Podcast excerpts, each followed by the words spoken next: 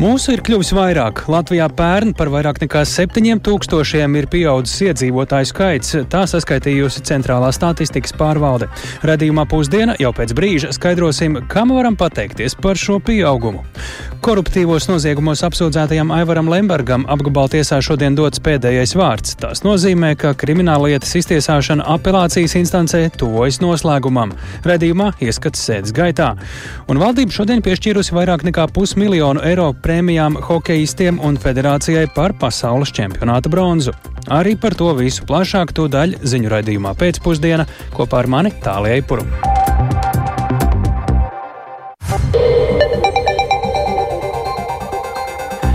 Ir 16,5 minūtes, skan pēcpusdienas ziņu programma, skaidrojot šodien svarīgus notikumus studijā. Tālis Eipurs, labdien!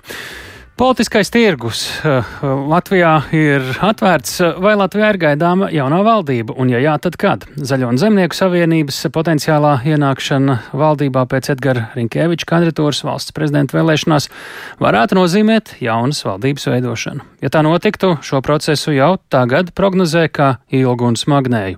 Lai arī šobrīd ar vien skaļāk izskan mērķis paplašināt koalīciju būtisku reformu īstenošanai, pret plašāku koalīciju ir tagadējā valdībā strādājošie apvienotā saraksta un Nacionālās apvienības politiķi. Par situāciju valdībā Jāņa Kīņša ierakstā. Pēc Edgara Rinkēviča ievēlēšanas valsts prezidenta amatā ar jaunās vienotības, Zaļo un Zemnieku savienības un progresīvo balsīm plānotas jaunās vienotības iniciētas sarunas ar esošajiem koalīcijas partneriem, apvienoto sarakstu un Nacionālo apvienību. Tikšanos nolūks pārskatīt valdības darbu, jo daži vagoneņi buksē. Tā intervijā raidījumā Labrīt norādīja finanšu ministrs, viens no jaunās vienotības līderiem Arvils Ašerādens. Koalīcijas paplašināšana saistām ar valdības sniegumu uzlabošanu un būtisku lēmumu virzību darbu laikā, kad Eiropas komisija Latvijas ekonomikai prognozējusi lielāku izrāvienu nekā kaimiņiem, argumentē jaunās vienotības saimas frakcijas vadītājs Ainārs Latkovskis. Koalīcijas paplašināšanās nav mūsu pašmērķis. Mums ir iespēja nevis vienkārši nobumbulēt šo laiku, bet tiešām izdarīt zināmu izrāvienu. Lai veiktu nopietnas reformas ar 54 deputātu koalīciju, nepietiek. Aprīļa pēdējā sēdē visa Latvija varēja pārliecināties, ka opozīcija vienkārši norāda kvorumu. Tas ir atstājis saimu ar mazāk nekā 50 deputātu, jo lēmums nevar pieņemt ar mazākumu balsī. Šis jau var turpināties ilgi, un sēžot ministra amatos, var priecāties par savām lēņu mūžām. Bet, ja mēs esam ieinteresēti visas Latvijas attīstībā, ne tikai nodrošināt sev ministru vietas, tad ir nepieciešama plaša koalīcija, plašs atbalsts tām reformām, kuras ir iecerētas. Starta jautājums gaidāmajai sarunai par koalīcijas paplašināšanu ir par piecu politisko spēku, jaunās vienotības, Zaļo un Zemnieku savienības, apvienotā saraksta, Nacionālās apvienības un progresīvo iespējām sadarboties. Tāda iespējamība izrādījās problemātiski jau valdības veidošanas sarunās pērn rudenī. Nacionālās apvienības līderis Raivs Dzintars arī šobrīd jau vairāk kārt uzsvērs, ka Nacionālā apvienība šādā valdībā nepiedalītos. Līdzīgi sarunā ar Latvijas radio izsakās viens no apvienotā saraksta pieredzējušākajiem politiķiem, iekšlietu ministrs Māris Kučinskis. Citu politisko spēku nākšana valdībā nozīmētu arī zin jaunas valdības izveidi, taču arī apvienotais saraksts ir gatavs turpināt darbu esošajā valdības sastāvā. Kaut kādu koalīcijas paplašināšanu mēs arī neredzam tādas tā kā iespējas. Ja ir bijusi kāda vienošanās, par ko mēs nezinām, tad nāksies šiem vienošanās autoriem strādāt saimā ar 52 balsīm, kas, protams, būs grūti, bet arī tā būs jauna valdība. Es domāju, ļoti svarīgs ir sarunas šobrīd koalīcijai zem nosaukuma, kā dzīvosim tālāk. Tas arī būs izšķirošais. Vēl septiņus mēnešus atpakaļ sarunas ar Lemberkungu nebija iespējams. Tagad mēs redzam, ka tās ir iespējamas. Nu, pie tāda, tādas konceptu maiņas, protams, ir visiem jāpierod vispirms. Mēs katrā ziņā varam skaidri paust premjeram, ka mēs viņu atbalstām un esam gatavi turpināt darbu. Bet šobrīd bumba ir vienotības pusē. Tagadējās trīs politisko spēku veidotās valdības veikuma septiņu mēnešu laikā kopš izveidas kā vāju nosauc arī Zaļo un Zemnieku savienības esošais līderis Viktors Valainis. Viņš nosauc liels uzdevumus - skolu tīklu un slimnīcu tīklu pārskatīšanu, atjaunošanas turpināšanu, ostu reformu un citus. To īstenošanai ir nepieciešams vairākums, kas stabilāks par tagadējām 54 koalīcijas balsīm, piekrīt Valainis. Rīcības spējīga valdība būtu tāda valdība, kur būtu maksimāli plaša politisko partiju pārstāvniecība. Tā skaitā Zaļo zemnieku savienība. Ja šajai valdībai pievienojās Zaļo zemnieku savienība, tad tā nevar būt esošās paplašinājums. To mūsu likumi nosaka, ka tā var būt tikai un vienīgi jauna valdība. Tas nav iespējams šeit kaut ko paplašināt. Ik viens no šiem trijiem partneriem, kas šobrīd ir valdībā, viņiem jāskatās ir atbildīgi un objektīvi jānovērtē tas, ka viņi septiņu mēnešu laikā nav veikuši nekādu panākumu. Es domāju, ka šī koalīcija tādā modelī turpinās slīdēt atpakaļ. Jaunās vienotības iniciētās sarunas par valdības darba pārskatīšanu plānotas piekdiena. Jānis Kincis, Latvijas Radio. Te svarīgi piebilst, ka, lai nonāktu līdz iespējamai valdības maiņai par nespēju turpināt darbu, vispirms būtu jāpaziņo pašam eh, tagadējās valdības premjeram Krišjānam Kariņam. Tas arī nozīmētu jaunu valdības deklarāciju un izmaiņas atbildības jomu sadalījumā ne tikai valdībā, tas attiektos arī uz saimas priekšsarētāju amatu un atbildības jomām saimas komisijās. Un tas viss kopā prasīja daudz laika, daudz uzmanības, un šādu procesu iznākumu politisko spēku pārstāvji šobrīd atsakās prognozēt. Tikmēr, runājot par ZZS iespējamo iesaistu koalīcijā, tiek pieminēta šī politiskā spēka vēsturiskā saikne ar smagos noziegumos apsūdzēto Aivaru Lembergu. Esmu kļuvis par invalīdu. Šādus vārdus šodien tiesas sēdē izteica bijušais Vēncpils mērs, pašreiz domas deputāts Aivars Lembergs no Latvijai un Vēncpilī. Koruptīvos noziegumos apsūdzētajām Lembergam apgabala tiesā dots pēdējais vārds. Tas nozīmē, ka krimināllietas iztiesāšana apelācijas instancē tuvojas noslēgumam. Lembergs runu sāka ar skaidrojumiem par savu veselības stāvokli. Tiesas sēdēji, sakojas kolēģi Linda Spundiņa, sveika Linda! Veselības stāvoklis šodien tas bija galvenais temats apsūdzētā pēdējā vārdā, vai arī izskanēja kāds uh, politiķiem veltīts vai kāda cita veida vēstījums? Sveiks, tāls, sveicināti klausītāji. Vēl pirms atbildu tev uz šo jautājumu, es gribētu atgādināt to vēsturi. Kā Evaru Lembergu pirms pirmās instances tiesa pirms vairāk nekā diviem gadiem atzina par vainīgu kukuļņemšanā, dokumentu viltošanā, noziedzīgi iegūtu līdzekļu legalizēšanā, dienesta viltojumā, neatļautā dalībā mantiskos darījumos, kā arī nepatiesu ziņu norādīšanā deklarācijās. Lembergam piesprieda piecu gadu cietumsodu, mantas konfiskāciju un 20 tūkstošu eiro eiro sodu, kā arī atlīdzināt cietušajiem zaudējumus. Pēc sprieduma paziņošanas Aivaru Lembergu apcietināja tiesas zālē, pēc cietumā pavadīta aptuveni gada, pērn februāra beigās viņu atbrīvoja no apcietinājuma pret 100 tūkstošiem eiro uh, drošības naudā.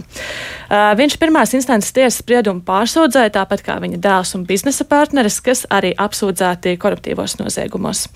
Un, ja runājam par pēdējo vārdu, tiesas procesā, tad pirmās instances tiesā Lembergs izteicās plaši un gari, četru tiesas sēžu garumā. Toreiz es saklausīju pārmetumus politiķiem, ka apsūdzības pret viņu ir politiski motivētas un tā tālāk. Savukārt, ko viņš teica šodien? Pēdējā vārdā apelācijas instancē, kā jau minēja, pamatā Lembergs eh, izklāstīja tiesai savu veselības stāvokli, būtībā slimības vēsturi, un varam paklausīties mazu fragmentu no sēdes. Savā pēdējā vārdā es netērēšu tiesas un pārējo procesa dalībnieku laiku un neatsaukšos uz lietā esošiem pierādījumiem bet mēģināšu tiesai pastāstīt to, kā es patiesībā jutos. Tas, ka es esmu spiests valkāt kakla skriemeļus saturošu šinu, daudzreiz izraisa manu lēnlabvēju politisko konkurencu, nirdzīgu attieksmi par to, ka Lembergs atkal tēlo slimu, Lembergs cenšas iežēlināt tiesu, Lembergam patiesībā nekas nekaiš. Patiesībā ir pilnīga neizpratne par manu veselības stāvokli un tām sāpēm, kuras es ciešu katru dienu un stundu. Minētais šins, ja precīzāk kakla ortoze, arī šodien Lambergam bija ap kaklu attālinātajā tiesasēdē. Par savu veselības stāvokli viņš tiešām runāja gari, norādot, ka ir otrās grupas invalīds un ka viņa veselība būtiski pasliktinājās atrodoties cietumā. Drošības līdzeklis apcietinājums bija nepamatots un neatbilstoši viņa veselības stāvoklim. Viņš arī norādīja, ka apmeklē ārstus Minhenē un to arī turpinās darīt. Lembergs pēdējo vārdu sāka teikt pirms divām stundām. Viņš, neskaitot veselības stāvokli, runāja par liegumu piekļūt krimināllietas materiāliem, kā arī par liegumu realizēt tiesības uz aizsardz, aizstāvību. Tādējādi pirmās instances tiesa nav bijusi taisnīga un objektīva, kā arī par apcietinājumu kā drošības līdzekli viņš runāja pēdējā vārdā. Apsūdzības celtas par notikumiem no 1993. gada, bet apsūdzībās minēts laiks arī ap 1980. gadiem. Tāpēc pēdējā vārdā Lambergs runāja arī par savu dzīves gājumu un lietišķajiem sakariem. Viņš neslēpa, ka bijušas labas attiecības arī ar Gormani un runāja arī par vēlētāju atbalstu pašvaldības vēlēšanās un čomiskām attiecībām ar daudziem procesa lietā iesaistītajiem lieciniekiem. Uh, nesen pirms pāris minūtēm arī beidzās tiesas sēde, un nākamā sēde tika nozīmēta 19. jūnijā, kad Lembergs turpinās teikt savu pēdējo vārdu. 19. jūnijā. Sakosim līdzi. Sakām paldies Lindai Spundiņai un dodamies tālāk. Dodamies uz Valsti, kas atrodas pie Ukrainas, te jau visas Eiropas valstu līderu diskusijas neformālā gaisotnē. Tā politiķi raksturo Eiropas politiskās kopienas samita lielāko atšķirību no līdzīgiem līderu pasākumiem. Šāda sanāksme pat labāk notiek Moldovā, un uz to ir ieradušies vairāk nekā 40 valstu līderi, kaut gan oficiālā darba kārtība paredz runāt par drošību, infrastruktūru un enerģētiku. Diplomāti neslēpj, ka tik daudz līderu pulcēšanās tikai 20 km no Ukrainas robežas sūta skaidru signālu Maskavai par Eiropas vienotību. Kišiņevs pievārtē Mimi Pilī šobrīd ir arī mūsu korespondents Ārķams Konokovs, ar viņu esam sazinājušies tiešraidē. Labdien, Ārķam, varbūt eh, vispirms pastāsti, kādēļ par samita norises vietu ir izvēlēta vieta, kuru mēs dzirdējām, kā to sauc par Mimi Pili. Jā, labdien, tālu, labdien, klausītāji. Tik tiešām mēs esam sapulcējušies Mimī pilī, un šis nosaukums varbūt varētu šķist nedaudz amizants, bet eh, tiešām tā ir vēsturiska pils, viena no retajām, kas Moldovā ir. Nemaz tik daudz viņiem šādu vietu nav, un tā ir, protams, zīmīga arī ar to, ka te atrodas arī vīnu darītava, un mēs zinām, ka, ja jau šis samets lielā mērā ir domāts, lai arī parādītu pasaulē Moldovu, tad, protams, vīns ir viena no tādām lietām lietām, ko Moldova plaši eksportē uz visu pasauli, un kas šeit ir tiešām, tiešām augstā kvalitātē un viena no lietām, ar ko viņi patiesi arī var lepoties. Tālu. Jā, Arčom, skatoties uz Eiropas valstu līderu klāstu, tur ir faktiski visas Eiropas valstis, izņemot, protams, agresoru valstis, varbūt vēl vienu otru, vai pasākumā arī Ukrainas prezidents Valdemirs Zelenskis piedalās, zinot, cik tuvu tas ir Ukrainai. Jā, tik tiešām 20 km, kā jau mēs pieminējām, un tiešām arī ir ieradies arī Valdemirs Zelenskis šeit uz Moldovu, un tas nebija līdz pēdējiem skaidrs, protams, drošības apsvērumu dēļ, un, bet tomēr varēja gaidīt, ka, ja jau viņš ir varējis būt tālākās vietās pēdējā laikā, tad kaimiņu valstī viņš tomēr varētu arī ierasties. Un jāsaka, ka arī Latvijas premjeras Krišjāns Kariņš ir piedalījies ar viņu diskusijās, apaļā galda diskusijās par drošību. Un drošība tiešām ir tāds centrālais fokus arī mūsu valdības vadītājiem šajā sanāksmē. Paklausīsimies! Svarīgākais ir tas, ka mēs runājam par Eiropas drošību, par nepieciešamību atbalstīt uh, Ukrainu pats par sevi. Un, protams, tas fakts, ka mēs sanākam kopā Moldovā, kas ir, nu, teikt, tieši robežu valsts ar uh, savu ievainojamību, man liekas, ir arī svarīgi, ka mēs runājam par to, ka, ka saka, tā Eiropas solidaritāte tām valstīm, kuras tagad izjūt tieši Krievijas agresiju, ka tas mūsu visu interesēs ir viņām palīdzēt un viņas aizstāvēt. Tik tiešām par Ukrainas potenciālo pievienošanos Eiropas Savienībā un NATO šeit tiek runāts oficiāli vai neoficiāli, bet tas tiek pieminēts arī Zelenskis ir sacījis, ka viņa valsts ir gatava pievienoties NATO. Tagad ir tikai jāpagaida, kad NATO nobriedīs un būs gatavs uzņemt Ukrainu. Un, par to, ka um, vajadzētu dot signālu uh, par, uh, par to, ka NATO tiešām ir gatava paplašināties un arī ka Eiropas Savienība ir gatava paplašināties. Runāja piemēram arī Lietuvas prezidents Gitāns Nausēda, bet piemēram Beļģijas premjeras Aleksandrs De Croo uh, viņam zināmā mērā aponēja, sakot, ka vispirms ir jātiek galā ar karu un tad pēc tam parunāsim par pārējo. Un vēl, protams, arī Itālijas premjera Džordžija Miloni viņa runāja par to, kā viņa redz Eiropu. Paklausīsimies šo trīs politiķu teikto.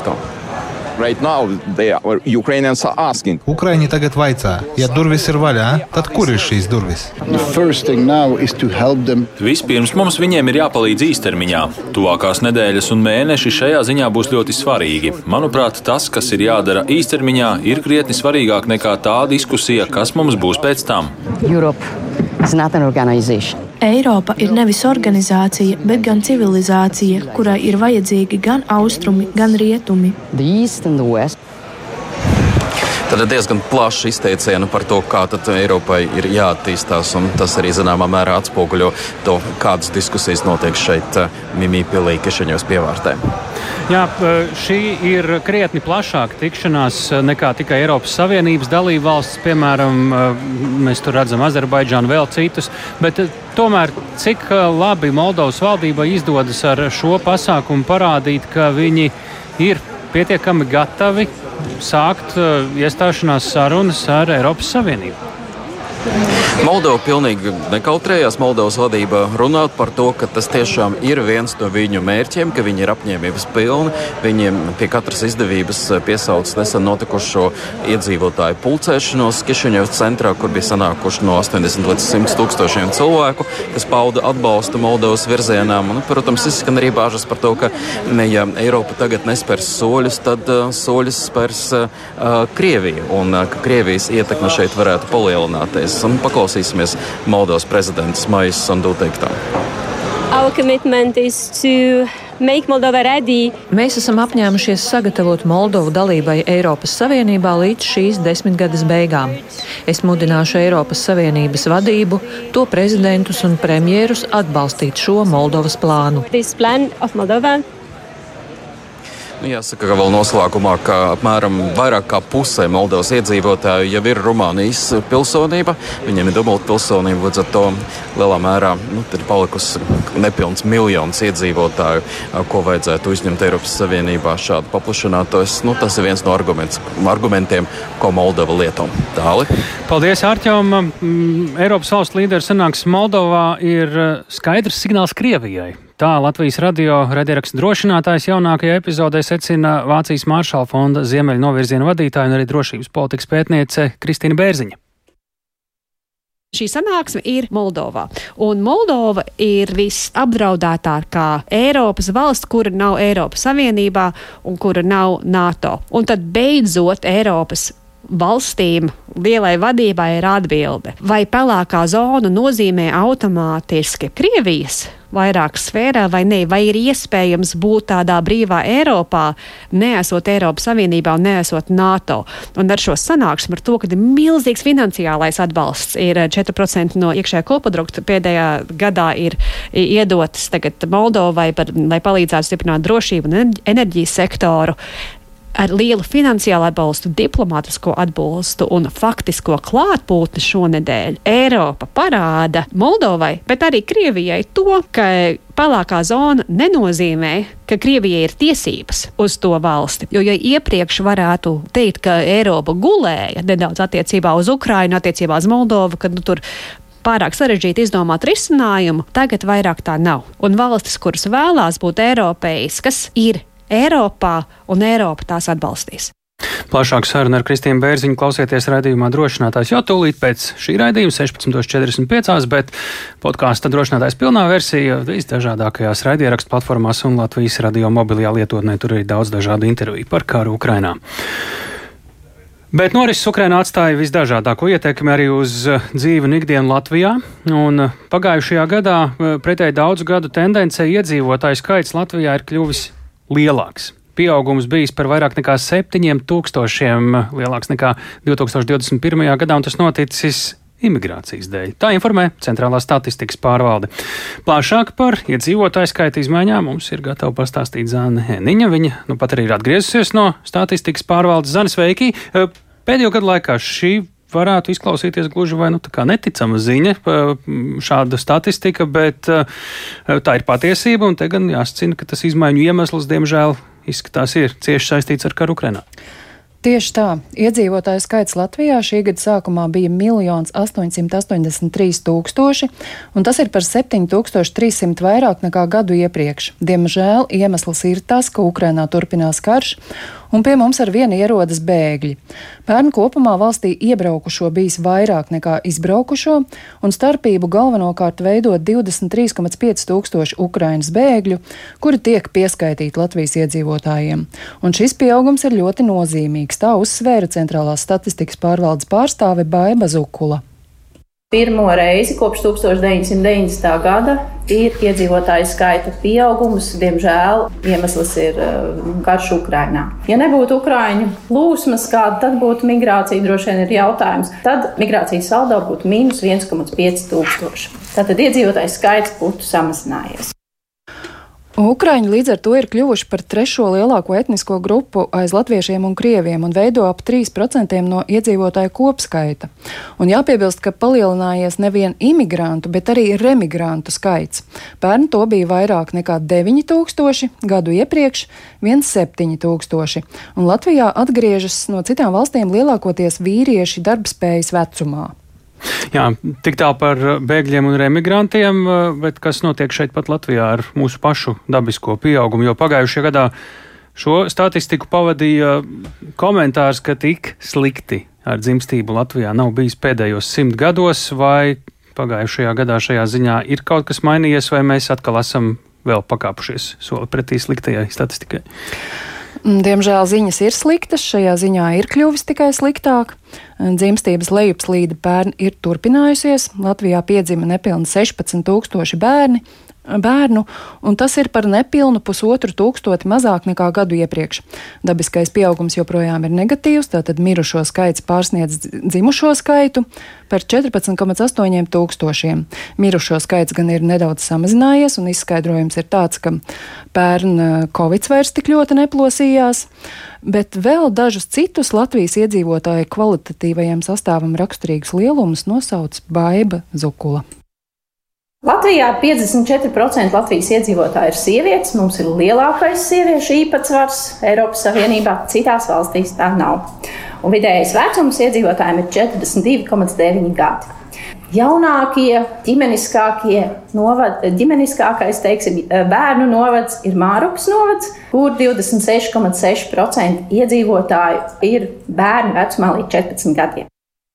Jā, Mārupa ir arī viens no tiem tikai četriem novadiem, kuros pērn bijis pozitīvs dabiskais pieaugums. Tātad dzimušo bijis vairāk nekā mirušo. Trīs pārējie ir ropažu, ķekavas un ādažu novadi. Tieši tik maz, ja tā varētu teikt. Tās tādas retas. Reti punkti kartē no pavisam 36 nodiem kopumā, ar ko tas ir izskaidrojums. Mēs zinām, ka šīs mēdz saukt par vienām no turīgākajām pašvaldībām. Jā, man arī nu, bija tāds jautājums, kāpēc tieši tur, bet tā tas esot jau gadiem, ka dabiskais pieaugums ir pozitīvs tikai pierīgā, un tā ir tāpēc, ka tur vairāk dzīvo jauni cilvēki. Rīga, acīm redzot, visvairāk piesaista kā darba devēja, bet ne kā dzīves vieta, tāpēc ap galvaspilsētu veidojas tāds kā mini demogrāfiskais sprādzieniņš, kas pilnīgi noteikti nav vērojams un arī droši vien nav prognozējams Latgalē, kur vairāk dzīvo gados veci cilvēki, un līdz ar to dzimstības pieaugums visticamāk nav sagaidāms, ja vien pēkšņi tur neuzradīsies kaut kas, kas ļoti varētu pievilināt jauno paudzi. Pēkšņi, jā. Kas ar mūsu salīdzināšanos ar Lietuvu, ar Igauniju? Lietuvā un Igaunijā ir ļoti līdzīgi. Arī tur pagājušajā gadā ir bijis vērojams rekord augsts iedzīvotāju skaita pieaugums uz imigrācijas, tātad uz Ukrainas bēgļu rēķina, un arī rekordzema dzimstība.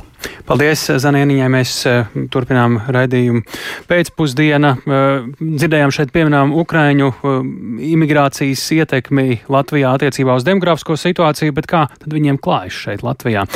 Ar 95 balsīm par un nevienu pret šodien saim grozīja Ukrainas civiliedzīvotāju atbalsta likumu. Tas paredz līdz šī gada beigām pagarināt atbalsta pasākumus no kara bēgošajiem Ukraiņiem, kur šobrīd uzturas Latvijā. Iekšlietu ministrija ziņo, ka Latvijā šorīt uzturas teju 32 tūkstoši Ukraiņu, bet nevalstiskās organizācijas lēš, ka tie varētu būt pat visi 40 tūkstoši, jo pāri robežām notiek arī nepārtraukta kustība. Vairāk par viņu situāciju Ievas Puķis siždā.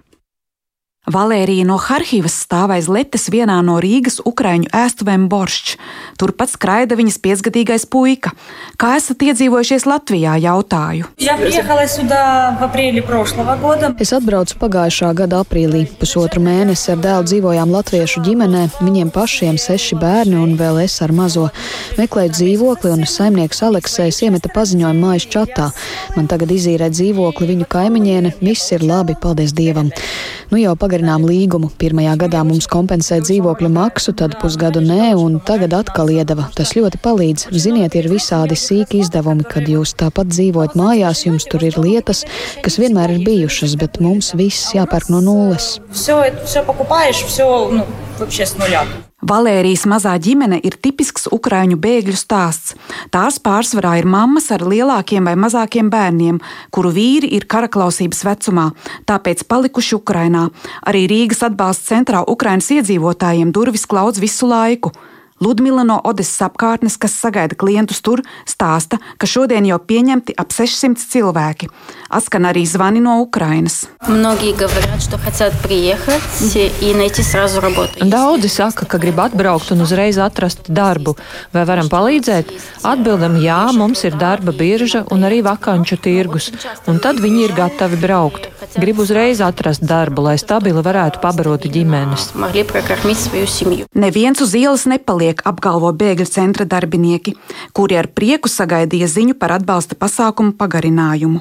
To beigu termiņš bija 30. jūnijas. Nevaldības organizācijas rosināja pagarināt līdz laikam, uz kuru ir spēkā Eiropas Savienības pagaidu aizsardzības direktīva. Attiecībā uz Ukrāņiem tas līdz marta sākumam nākamajā gadā. Likumdevējs lēma, ka tas būs līdz gada beigām, pamatojot to ar saistīšanu ar budžeta plānošanu. Jāsaka, mēs tiešām esam kā sabiedrība un kā valsts, mēs darām ļoti labu darbu ar to atbalstu. Tikai vēlams, lai tas nebūtu tik saraustīts un lai visi iesaistītie varētu saskatīt to kaut kādu ilgāku termiņu perspektīvu šim visam, un kas ir arī tas, ko mēs kā sabiedrība no tā sagaidām, kā valsts, ko mēs no tā sagaidām. Jo viena lieta ir cerēt, ka karš drīz beigsies, un tiešām atbalstīt tik vienu Ukrainu, kurš vēlēsies atgriezties, bet mums ir arī jāsaprot, ka cilvēki šeit paliks, būs daļa Ukraiņu, kuri šeit paliks. Providus pētniece Agnese Lāce, kur ir arī biedrības grib palīdzēt bēgļiem, aktīvisti saka, šie pēc skaita ir 18. grozījumi Ukraiņas civiliedzīvotāju atbalsta likumā, un trešais pagarinājums, kas atkal rasts pēdējā brīdī. Tas liecinot, ka mums joprojām trūkst plašākas valstiskas vīzijas par ukraiņu bēgļu iesaisti Latvijas sabiedrībā. Bēgļiem pēc ierašanās pienākas īslaicīgs izmitināšanās atbalsts vai nu 60 vai 120 dienām atkarībā no pašvaldības, kā arī ēdināšanas atbalsts 30 dienām. Arī mājsaimniecības, kas uzņem ukrāņus pie sevis, joprojām saņem 100 eiro mēnesī par vienu personu un 50 par katru nākamo. Ukrāņi jau tagad ir vērtīgs pienesums mūsu ekonomikai un demogrāfijai, saka Agnese Lāce. Tāpēc šobrīd jādara viss, lai viņi iesaistītos mūsu sabiedrībā. Tas, kur mēs joprojām neredzam risinājums, ir izglītība tieši attiecībā uz bērniem. Kā šobrīd nu, Latvijā ir reģistrēti nedaudz vairāk kā 7000 bērnu vecumā no 7 līdz 18 gadiem, taču izglītības iestādēs no šiem skolas vecuma bērniem ir reģistrēta tikai nedaudz vairāk kā trešdaļa. Un, jā, varam pieņemt, ka pārējie mācās attālināti Ukrajinā vai gatavojās braukt atpakaļ, bet mums nav nekāda veida, kā par to pārliecināties. Toties bezmaksas latviešu valodas kursu piedāvājums pieaugušajiem ir gana plašs. Vienīgā problēma, ka tie bieži vien tiek organizēti darba laikā. Ukraiņu bēgļu atbalsta centrā strādājošā Ludmila mācās arī tepat darbā no latviešu kolēģiem. Kāds ir jūsu mīļākais vārds latviešu valodā? Papalas eh, harošiem slovam atvaļinājums. Par labu vārdu kļuva atvaļinājums. Kad bijām nodarbībās, mums teica, ka tas skan līdzīgi vārdam atvaļi, tinies prom. Kad man prasīja, vai gribu iet atvaļinājumā, teicu, jā, gribu atvaļī. Un kā tas būtu latviski? Es gribu atvaļinājums. Diemžēl arī tuvākajās dienās Ludmilu gaida tikpat daudz darba. Ieva Puķa, Latvijas radio. Tik tālu par Ukrainas bēgļu situāciju. Šodien tātad deputāti nolēma, ka ir jāatbalsta grozījumi Ukrainas civiliedzīvotāju atbalsta likumā līdz gada beigām, pagarinot atbalsta pasākums. Bet Latvijas valsts šogad 16 filmu projektiem sadalīs 1,4 miljonus eiro šādu atbalstu. Tā liecina Nacionālā kinocentra šī gada filmu ražošanas konkursa rezultāti. Kopumā filmu projektiem to veidotāji bija pieprasījuši 4,4 miljonus eiro, tātad trīsreiz vairāk, bet ar piešķirto naudu atbalstītas 5 filmetrāžu spēļu filmas, 6 dokumentālās filmas, 2 filmetrāžas animācijas filmas, 2 animācijas īsfilms un viens animācijas īsfilmu cikls. Lielākā summa - 643 tūkstoši eiro atvēlēta spēļu filmu projektiem, 5 filmetrāžu spēļu filmas ar valsts atbalstu sāks uzņemt režisori Reinis Kalviņš, Armands Zvirbulis, Gatis Ungurs, Anna Ansona, Lindu Olti, savukārt dokumentālo filmu projektiem piešķirt 488 tūkstoši eiro. Sešu atbalstīto filmu režisori Laila Pakalniņa, Kārlis Lesiņš, Krista Burāne, Vitālijas Manskis, Rūtas Notiņa un Andris Gauja. Savukārt savukārt atbalsta animācijas filmu projekti saņēmuši te 280 tūkstošus eiro, un tos sadalīs divas filmetrāžas filmas, kuras veido Ilza Borkovska Jakobsena un Signi Baumani, un arī īsfilmas, kuras veidos debitanti Inese Pavēne, Mareks Kolāts un Ilze Lasmane Broža. Šis Konkurss gan nav vienīgais, kur kino industrijai gada laikā ir iespējas pretendēt uz Nacionālā kino centra finansējumu, taču paliekot pie šī konkursa, vēl šobrīd pie mūsu klausulas ir kino kritiķi un arī kino centra direktora Dita Rietuma. Labdien! Labdien! Valsts šogad 16 eh, filmu projektiem tātad sadala 1,4 miljonus eiro atbalstam. Ar ko šī gada konkurss, kā jūs teikt, ir bijis īpašs, ja ir iespējams salīdzināt varbūt arī ar iepriekšējiem gadiem? Uh, es gribētu uh, akcentēt, ka šis ir uh, gada galvenais, nozīmīgākais kino ražošanas konkurss. Šajā konkursā tiek uzsāktas vai tiek atbalstītas tās filmas vai to filmu projekti, kuri gatavi ražošanas uzsākšanai.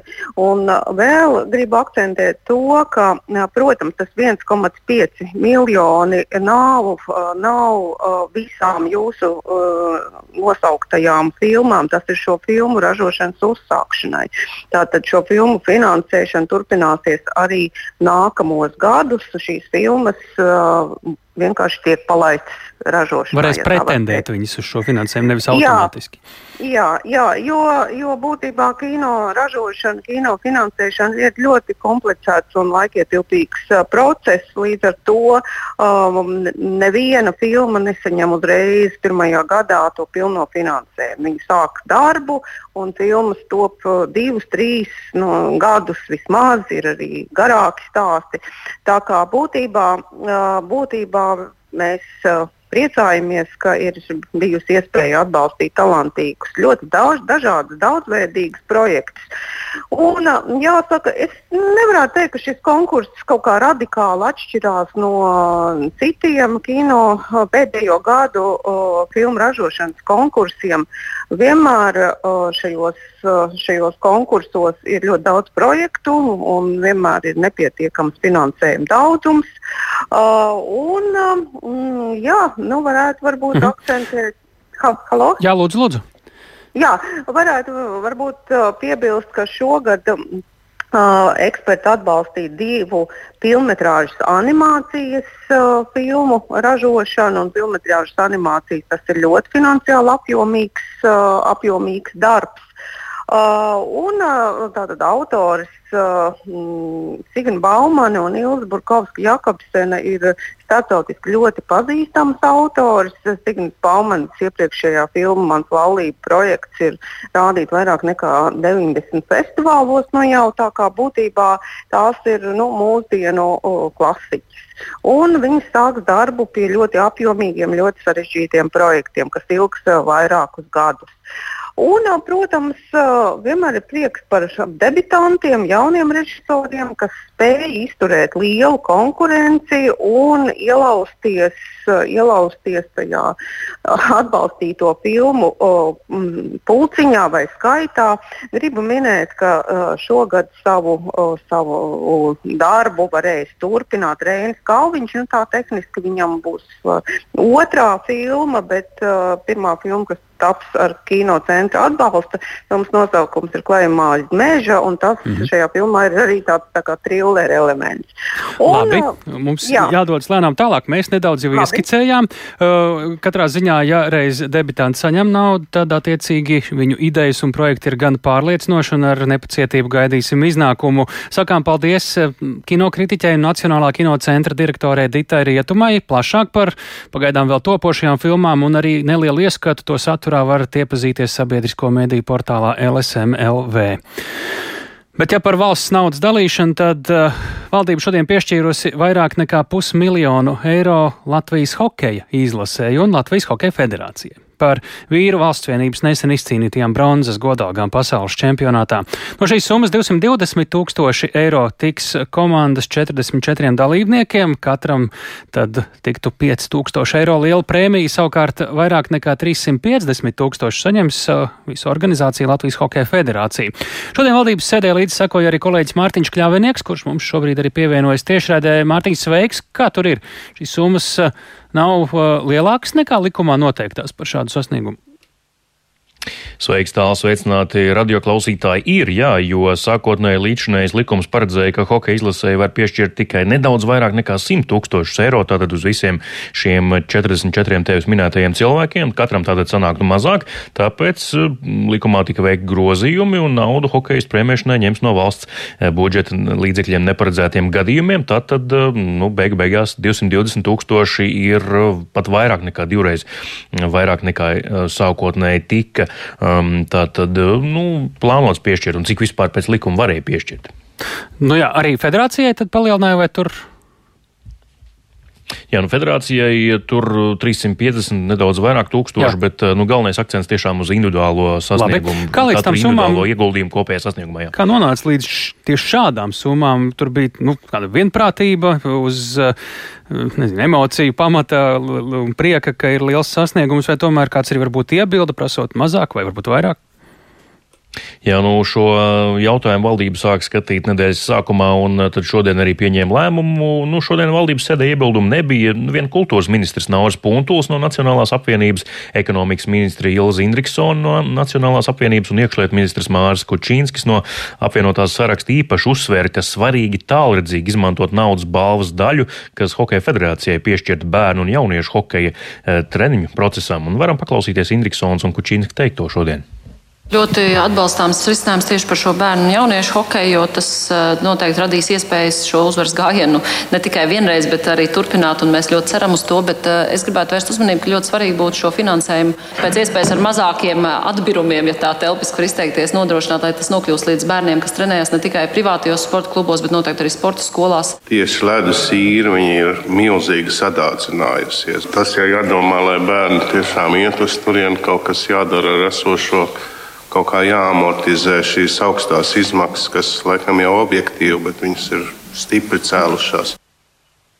Jā, tālāk ekonomikas ministra Ilza Indriksona, arī iekšliet ministrs eh, Mārs Kučīnskis. Nu, savukārt izglītības un zinātnes ministra Anna Čakša no jaunās vienotības atbildēja kolēģiem, ka jā, ka galvenais, eh, nu, galvenā šī lauvas mm, tiesa no naudas, eh, kas piešķirta Hokeja federācijai, tiks izlietota tam, lai vecākiem vienkārši, gluži vienkārši būtu mazāk jāmaksā par jauno hokeistu treniņiem ikdienā. Vēl kam tā nauda varētu aiziet? Nu, tur ir noteikts, ka vēl eh, tā daļa no šiem 300, vairāk nekā 350 tūkstošiem, eh, daļa, kas ir nedaudz vairāk kā 100 tūkstoši, jāizlieto hokeja attīstībai, un puse obligāti tieši arī jaunajiem sportistiem un to sagatavošanai. Tā kā pašai federācijai paliks nu, 50, nedaudz vairāk tūkstoši saviem ikdienas izdevumiem, bet pārējo principā visu novirzīs jaunatnē. Nu jā, katrs no izlases dalībniekiem tātad ap 5000 eiro saņem. Tas eh, nu, nav tā kā pamaz par tādu priekš Latvijas nozīmīgu sasniegumu. Mēs zinām, olimpieši iepriekš saņēmuši individuāli šķiet vairāk. Nu, tā rezonance tomēr pietiekami liela šim notikumam un tāda, tāds iespējas varbūt arī uz nākotni. Tā ir, jā, bet nu, nu, šī likuma redakcija ir, kā man tieši šobrīd ir atvērts priekšā šis likums, tad 2012. Eh, gada 3. janvāris ir, eh, tātad, nu, tur bijuši, protams, gadu laikā grozījumi, bet tā pamat, mm, pamat redakcija ir izveidota, nu, tātad jau pirms vairāk nekā desmit gadiem. Nu, un jā, tieši tā, kā tu saki, naudas balva apmērs olimpiešiem ir krietni lielāks. Kā zināms, par zelta medaļu olimpiskajās vai paralimpiskajās spēlēs var saņemt līdz 142 288 eiro un tāpat arī prāvs kumos ir gaidāms, nu, ja, piemēram, kā no Latvijas komandām triumfē Olimpiskajās spēlēs, tur gandrīz pusmiljons komandai var tikt piešķirts, bet, piemēram, par pasaules čempionāta zeltu, ja latvieši tomēr Latvijas hokeja izlase būtu finišējis pirmā, tad tur būtu nedaudz mazāk nekā 300 tūkstoši eiro pēc šīs pēc likuma. likuma redakcijas. Jā. Nu, jā, jā, bet, nu, atliek jā, kvalificēties Olimpiskajām spēlēm un tur tikt pie medaļām. Tāds varētu būt mājiens no valdības motivējošs. Paldies, sakām Mārtiņam Kļaviniekam. Te jāpiebilst, ka pasaules hokeja čempionāta noris Rīgā tieši Rīgā valsts ekonomikai varētu būt piesaistījusi papildus 44 miljonus eiro. Tā informē pat pašvaldība. Apmeklējuši Rīgu ap 30 tūkstošiem ārvalstu hokeja līdzutēju, visvairāk no Šveices, Čehijas, arī Slovākijas, un uzņēmēju apgrozījums ir audzis par 30 līdz 50 procentiem. Bāru un kafejnīcas ar terasēm arī sasnieguši rekordlielu peļņu, salīdzinot ar šo periodu iepriekšējos gados, kas gan ir bijuši tādi šķidrāki. Kā mēs zinām, tā ziņo savukārt bāru asociācija. Šis bija ziņu raidījums pēcpusdiena. To veidoja Tāls Eipurs, Ilza Agīnta, arī Ulds Grīmbergs, Iveta Zvejniece. Šo raidījumu pavisam noteikti meklējiet rokā arī Latvijas radio mobilajā lietotnē un raidierakstu platformās. Dalieties ar to vai noklausieties, ja kaut ko gribat dzirdēt vēlreiz vai nesat sadzirdējuši. Mēs tiekamies arī rīt kā katru darbu dienu pēc ziņām 4.5.